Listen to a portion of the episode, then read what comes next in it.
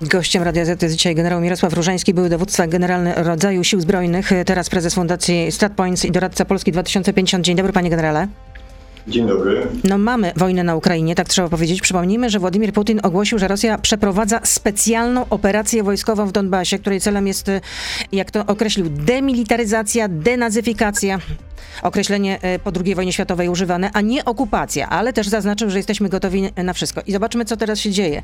Straż Granic e, Graniczna Ukrainy informuje o ataku od strony Rosji i Białorusi. Według CNN także białoruskie wojska weszły na Ukrainę i przekroczyły przejście graniczne, które jest zaledwie zaledwie 200 kilometrów y, oddalone od y, stolicy Kijowa. Ja tutaj zerkam jeszcze mm, na y, najnowsze informacje. Rosjanie zaatakowali rakietami kilka baz lotniczych w całej Ukrainie. Wojska lądowe atakują w Donbasie. Czy to już jest pełnoskalowa wojna, pełnoskalowa, jak to się mówi, inwazja na Ukrainę?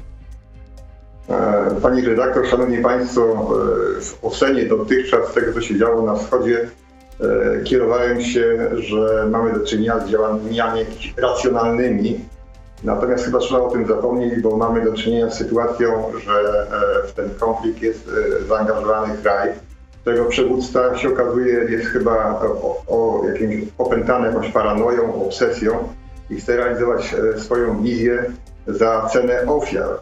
Dzisiejsza sytuacja, w której tak naprawdę zostały zaatakowane nie tylko Donbas, ale też pozostałe też miejsca w Ukrainie, wokół Charkowa czy, czy, czy Kijowa, świadczy o tym, że Putin e, zdecydował się e, realizować swoją politykę z użyciem e, sił zbrojnych. Nie jest to jeszcze pełnoskalowa wojna, nie jest to sytuacja taka, w której na wszystkich kierunkach wchodzą, z tego co wiemy na, na dzisiaj, wojska rosyjskie i białoruskie, bo trzeba powiedzieć wprost, że dzisiaj ten alians militarny między Białorusią a Rosją stanowi, że to jest chyba już jedno państwo związkowe. Zresztą tak o tym traktował traktat podpisany przez oba te, te kraje. I pod względem militarnym to już jest jeden e, e, potencjał. Natomiast, pani redaktor, nie można wykluczyć tego, że to się stanie e, w najbliższej e, perspektywie.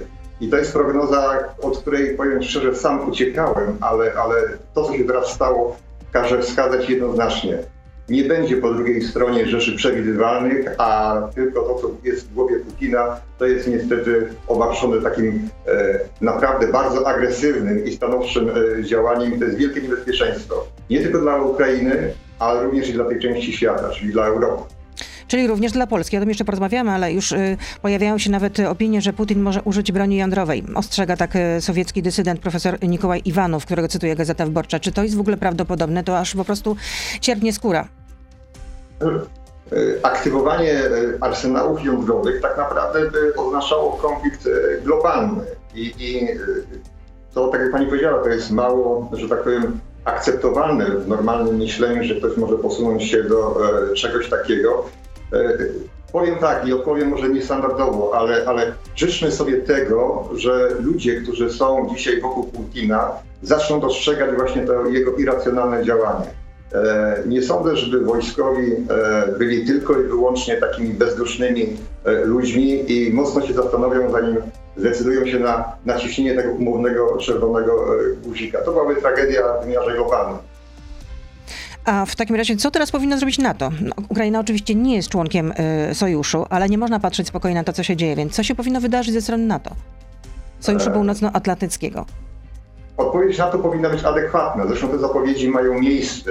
Nie wiem, czy teraz o 8 się rozpoczęło spotkanie pana prezydenta z premierem i ministrami, które odpowiadają e, na nasze bezpieczeństwo ale powinniśmy mocno zwrócić się e, o aktywację artykułu 4, czyli krótko mówiąc o te konsultacje, bo uważam, że jako kraj możemy mówić, że jest zagrożona i nasza kwestia e, niezależności politycznej, ale również i terytorialnej.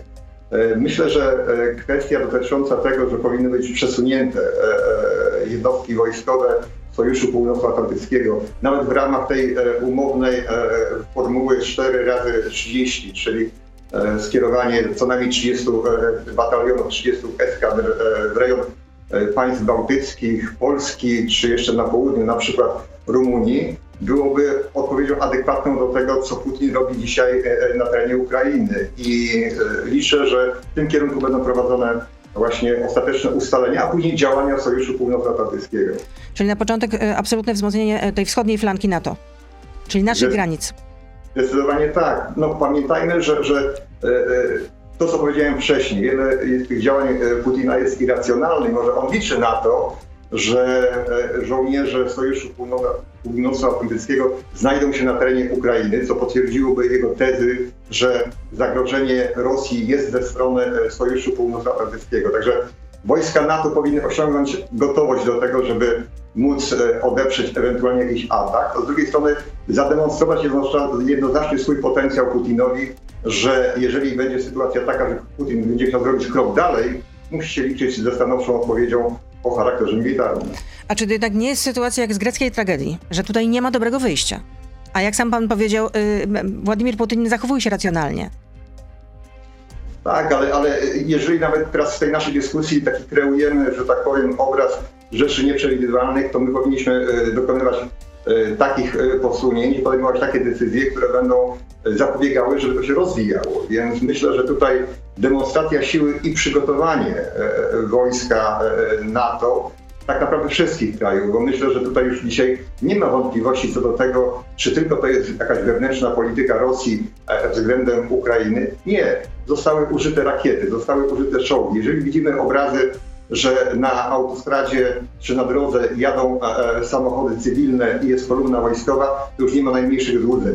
E, Putin chce rozwiązywać problemy w sposób siłowy i w tym względzie myślę, że ten obraz jest jednoznaczny. Już nie będzie takiej dywagacji, czy, czy to są kwestie tak lub nie pomagać. Zresztą kolejne kraje się mocno deklarują. Cieszy mnie to, że, że jest taka mocna zmiana stanowiska e, Niemiec, jeżeli chodzi o podejście do, do Rosji, bo pamiętajmy, że oni długo byli tak e, bardzo powściągliwi, tłumacząc się swoimi zaszłościami historycznymi. No i ze względu na swoje liczne interesy gospodarcze. Dokładnie tak. To w takim razie, jak pan przewiduje, jakie scenariusze na najbliższe godziny, na najbliższe dni, co się może wydarzyć?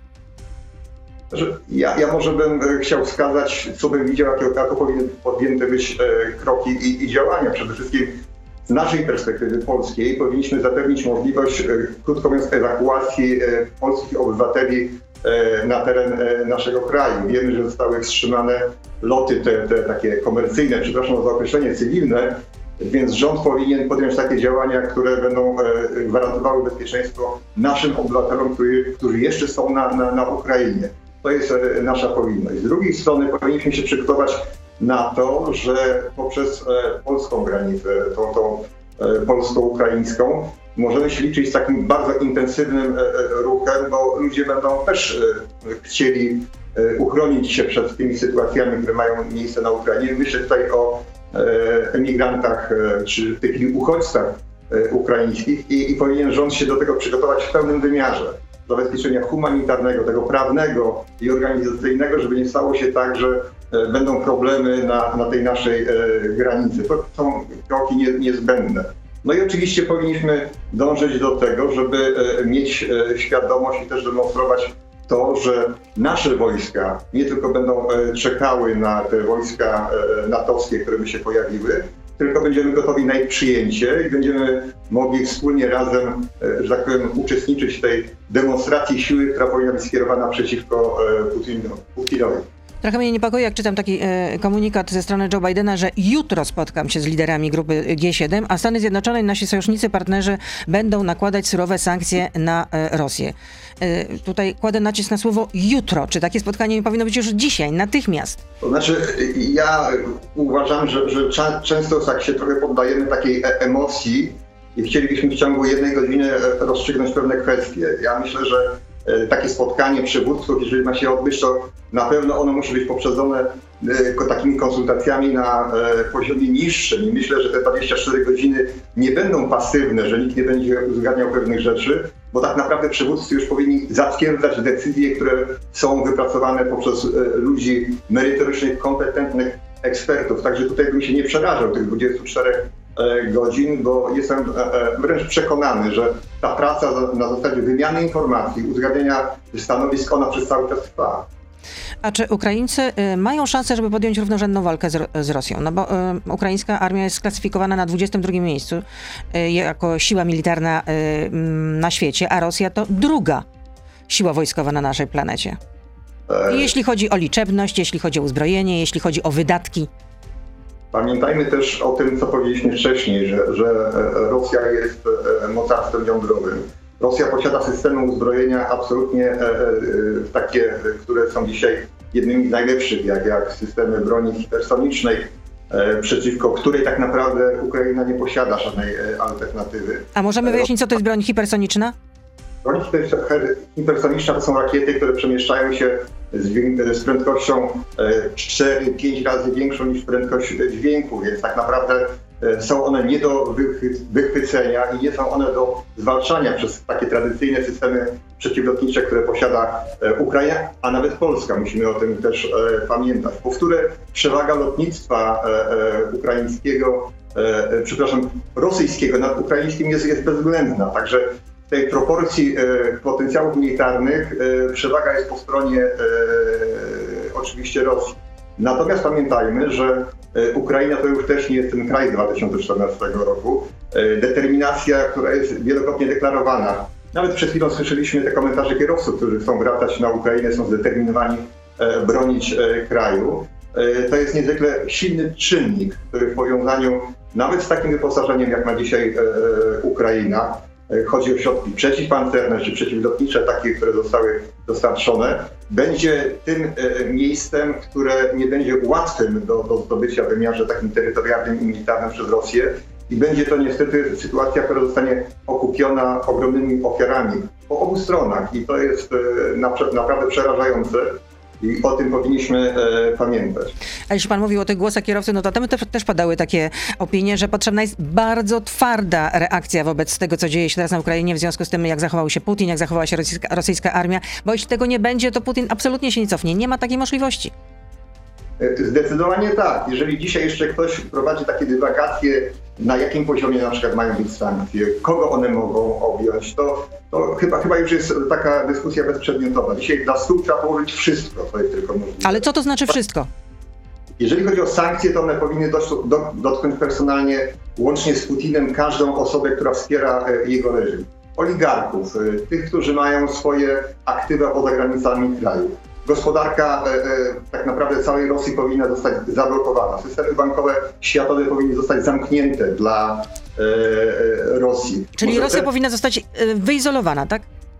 w moim przekonaniu absolutnie tak, bo może tego nie rozpatrujemy, ale jeżeli ludzie, którzy krótko mówiąc kierowani są e, swoim e, takim status quo, czyli ci wszyscy oligarchowie, ci, którzy są obok Putina, zaczną e, zauważać, że tracą to, co uzyskali, może dojść do sytuacji takiej, że ktoś w końcu zacznie e, w Rosji, nie tylko opozycja, mówić w stosunku do Putina nie, bo, bo, bo to też może być czynnik, który zatrzyma. Tylko czy sankcje zadziałają, bo teraz to widać, no przynajmniej do tej pory, te, które zostały nałożone przez Rosję, no to jak widać nie wystraszyły w żaden sposób y, i nie otrzeźwiły y, Władimira Putina. Nie No, zadziałały. Pamiętajmy, pamiętajmy, że te pierwsze sankcje, które zostały na przykład ogłoszone przez Stany Zjednoczone, one dotyczyły aktywności na przykład gospodarczej na terenie tych dwóch separatystycznych e, e, e, republik. Ja w jednym z takich e, publicznych e, wpisów mówiłem o tym, że powinna być odpowiedź natychmiast jednoznaczna i mocna, czyli uderzająca bezpośrednio w Putina. Tutaj tak jak powiedziałem, nie ma już pola na, na dyskusję i, i, i rozważania. Tutaj wszystkie te akcenty, które były położone i deklarowane przez polityków e, i to Stanów Zjednoczonych czy, czy Europy Zachodniej, powinny być użyte i, i osobiście życzyłbym sobie, żeby tak się stało. Wracając do tego, y, jak bezpieczna jest teraz Polska? Bo pan jest ekspertem od bez, bez, bez, bezpieczeństwa, więc pytam, na ile ta wojna za wschodnią granicą jest dla nas zagrożeniem? Co się może dziać w Polsce? Znaczy, musimy mieć świadomość tego, że, że kwestie dotyczące takiej tej e, aktywności dezinformacyjnej się na pewno e, nasilą. E, jest ta przestrzeń e, cyberprzestrzeni, która e, tak naprawdę nie jest e, jakąś wyimaginowaną, bo to dotyczy naszych systemów bankowych, energetycznych, e, e, jak i również e, komunikacyjnych, może zostać zaatakowana. Dobrą decyzją było rządu to, że, że ten alert został podniesiony na wyższy poziom i myślę, że tutaj w tym zakresie mogą być różnego rodzaju oddziaływania na nasz kraj właśnie o takim charakterze i na to powinniśmy być e, przygotowani. No ja nawiążę jeszcze do wypowiedzi generała Waldemara Skrzypczaka, który jest były dowód, byłym dowódcą wojsk lądowych, których na łamach Super Expressu mówił e, wczoraj, że następnym krokiem będzie e, Polska i że Putin Polsce tego nie, nie daruje. Zacytuję pana generała. Zachód poświęcił Ukrainę dla utrzymania moim zdaniem iluzorycznego pokoju, a Putin na tym nie poprzestanie. Jak Putin upora się z Ukrainą, a w tym nikt mu nie przeszkodzi, to zajmie się Łotwą, Estonią, no a potem po, na, przyjdzie czas na Polskę. Znaczy, ta, ta kolejność, którą pani zarysowała, jest wysoce prawdopodobna, że, że po e, Ukrainie, e, bo nie musimy mówić o Białorusi, bo Białoruś, tak jak e, jest to dzisiaj w tej przestrzeni oficjalnej podawane, że to jest państwo związkowe z, z Rosją. Mówiliśmy o tym aliansie militarnym, że on się faktycznie dokonał. Więc tutaj Białoruś możemy traktować jako część tak naprawdę Rosji. Natomiast kraje bałtyckie to są te kraje, gdzie tak naprawdę one tak, po pierwsze były kiedyś częścią Związku Radzieckiego, a Putinowi zależy na odbudowaniu e, Imperium. Tej, tej formuły, nazwijmy to będzie Rosja 2.0 i z tym się należy liczyć. Jest tam mniejszość narodowa na terenie krajów bałtyckich i to Putin może wykorzystać znowu, że w stosunku do tej mniejszości są tam podejmowane jakieś E, działania takie restrykcyjne i on, on będzie e, w tym kierunku szedł. E, no i na, na tej liście jest, jest dalej Polska. Pamiętajmy, że no, chociażby 1920 rok, to na terenie Polski zatrzymaliśmy tak naprawdę ówcześnie ten pochód wtedy tej, tej Rosji sowieckiej w kierunku zachodu. I tak, jesteśmy na kierunku, który dla Putina jest kierunkiem takiej ofensywy i działania. Jeżeli nie zostaną podjęte te kroki, o których mówiliśmy, będzie problem. Czyli nie możemy się czuć do końca bezpiecznie. Absolutnie nie.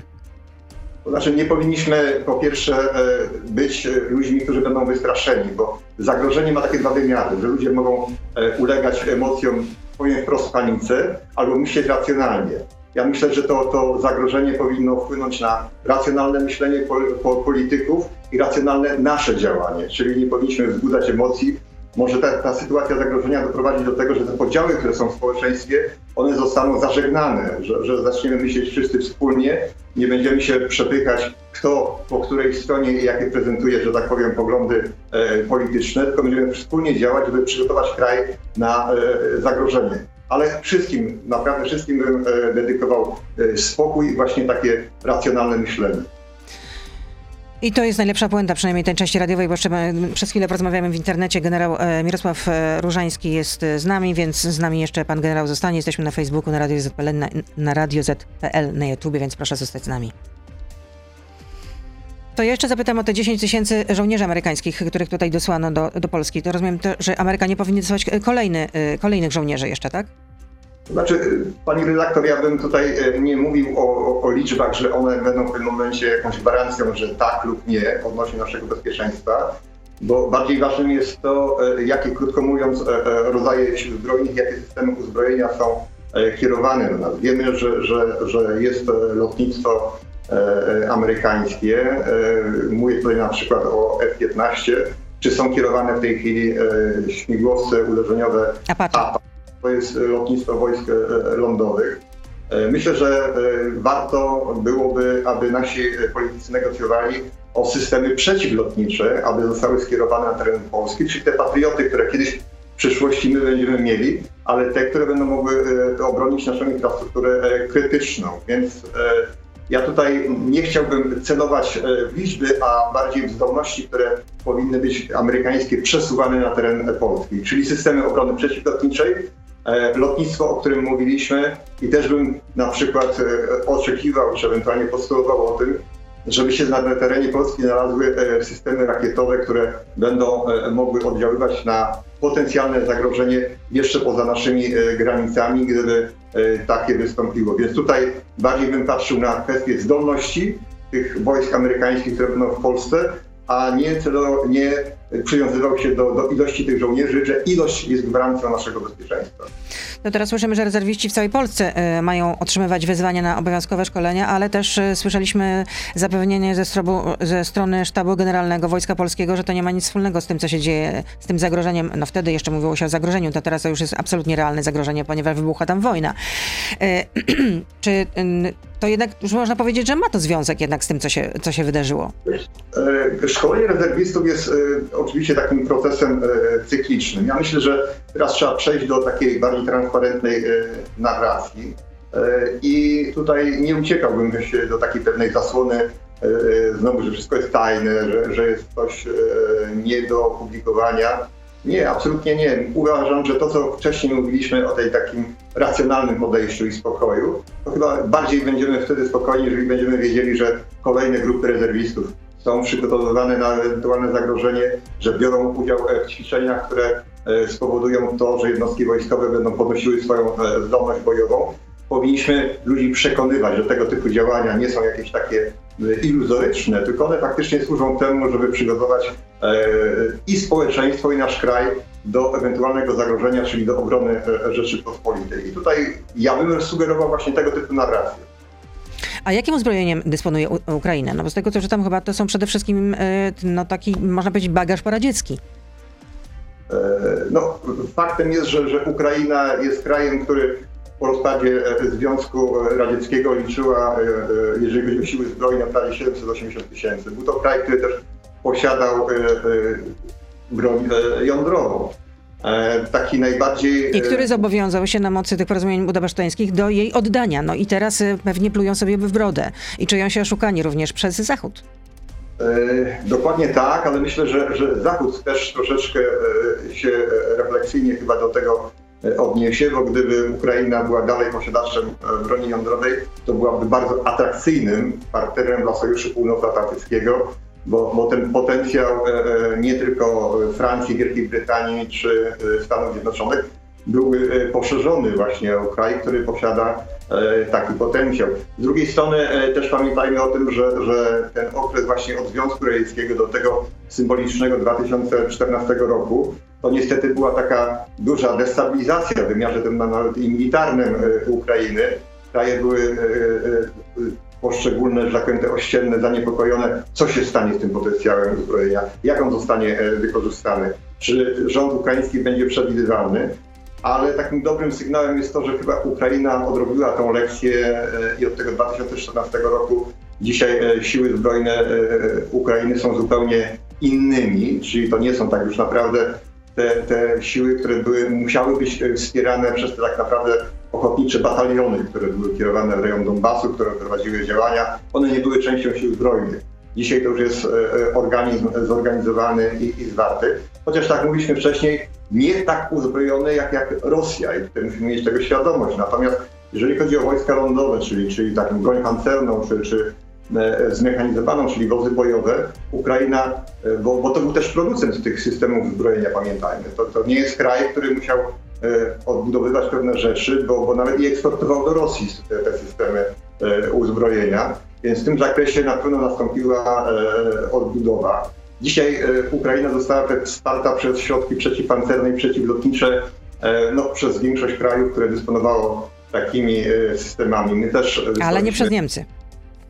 E, tak, no w przypadku Niemiec to, to jak, jak rozmawiałem ze swoimi kolegami, to żeśmy trochę się tak uśmiechali tej tragicznej sytuacji. Chociaż nie znam do śmiechu, nie, zdecydowanie. Bo, bo, Niemcy są czwartym producentem i eksporterem broni na świecie, więc jeżeli, jeżeli mówimy o tym, że e, e, czy Niemcy mówili o tym, że mają pewne zaszłości, że, że, pamiętają o wojnie, że oni muszą pamiętać o tym, żeby nie eskalować i tak dalej, no to powiem wprost, była swego rodzaju hipokryzja, więc, więc e, ten ich potencjał, który posiadają możliwości produkcji systemu uzbrojenia, mógłby być teraz przecelowany, a może zostanie przecelowany, żeby wspierać e, Ukrainę bez jakichś takich tłumaczeń właśnie, że, że tak się dzieje.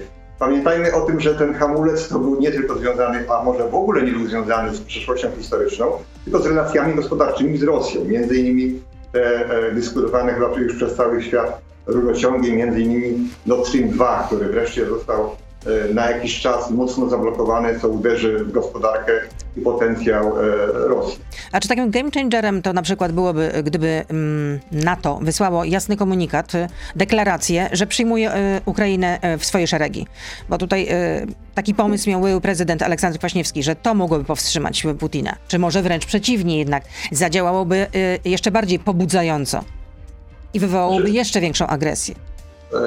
To, to pamiętajmy o tym, że, że przyjęcie jakiegoś kraju do Sojuszu Północnoatlantyckiego niesie pewne implikacje, tak? I dla kraju, który jest przyjmowany, który musi przyjąć pewne standardy, rozwiązania takie systemowe, kwestie dotyczące budżetowania spraw obronnych i tak dalej a z drugiej strony na kraje e, członkowskie nakłada no, ten, ten słynny artykuł 5, tylko, czyli wspólnej e, obrony. Wszyscy Więc, za jednego, jeden za wszystkich. Jeśli jedno dlatego, państwo zostanie zaatakowane, to cały sojusz jest zobowiązany do tego, żeby e, nieść pomoc. Dokładnie tak, więc teraz to, to mogło być przez Putina odebrane, że jednak stało się faktem, że, że wypowiadają wojnę kraje natowskie Rosji. Ale, ale ta, ta propozycja nie jest pozbawiona E, takiego e, spojrzenia e, rozsądku, jeżeli chodzi o kwestie polityczne, ale naprawdę wymagałaby, chyba powiem tak nietuzinkowo, odwagi ze strony wszystkich krajów natowskich na, na taki ruch. Na pewno decyzja ryzykowna w tym momencie, ale tak jak, tak jak pan mówi, wymagałaby odwagi. Tak zerkam tutaj, co no, jeszcze... Co to, jakie są... No... Myślę, że dzisiaj NATO jest w stanie wspierać Ukrainę pod względem kwestii dotyczących e, rozpoznania, systemy rozpoznania satelitarne i tak dalej, mogą wspierać Ukrainę, żeby Ukraińcy wiedzieli, co się dzieje i, i zresztą te komunikaty amerykańskie potwierdzają, że, że na, na bieżąco Ukraina była informowana o tym, co, co, co zrobiła. To tam różne scenariusze były, na przykład, że zostanie zaatakowany Kijów, i to jest pytanie, czy zostanie zaatakowana stolica Ukrainy. Przecież były scenariusze, że chodzi właśnie o to, żeby Kijów podbić i y, obalić tamtejszy rząd i wprowadzić swój, a całkowicie podległy Rosji. E, e, tak, ja, ja nawet byłem zwolennikiem właśnie takiej, takiej opcji, że, że Putin może jednak pójść w kierunku takim, że będzie destabilizował wewnętrznie Ukrainę, doprowadzi do protestów, które będą, że tak powiem, nacelowane, żeby skrytykować prezydenta, żeby skrytykować e, rząd, że oddali wschodnią Ukrainę. Może by się powtórzył taki kolejny Majdan poprzez eskalację właśnie agentów i tych ludzi, którzy są na terenie Ukrainy, myślę, o, o, o Rosjanach, bo, bo, ich jest, e, e, jestem przekonany, e, wielu. I jeżeli by został, mówiąc nieładnie, zainstalowany rząd pro, rosyjski, to tak naprawdę Putin osiągałby swój cel, bo wtedy byłby to kraj, który byłby no, swego rodzaju kolejnym lennym w stosunku do Rosji. Zwasalizowany. Dokładnie. Bardzo dziękuję panie generale za to spotkanie. Generał Mirosław Różański, były dowódca generalny rodzaju sił zbrojnych był z nami. Śledzimy na, na bieżąco te, inform na te, informacje, które napływają e, e, z Ukrainy. Nie powiem, że do, życzę dobrego dnia, no po prostu do zobaczenia, do usłyszenia. Pewnie jeszcze e, będziemy się słyszeć w najbliższym czasie, mam takie przeczucie, albo nawet widzieć. I do rozmawiać na temat, co się dzieje. Do widzenia pani, do widzenia państwu. Kłaniam się. To był gość Radia Z. Słuchaj codziennie w Radio Z i na player radioz.pl.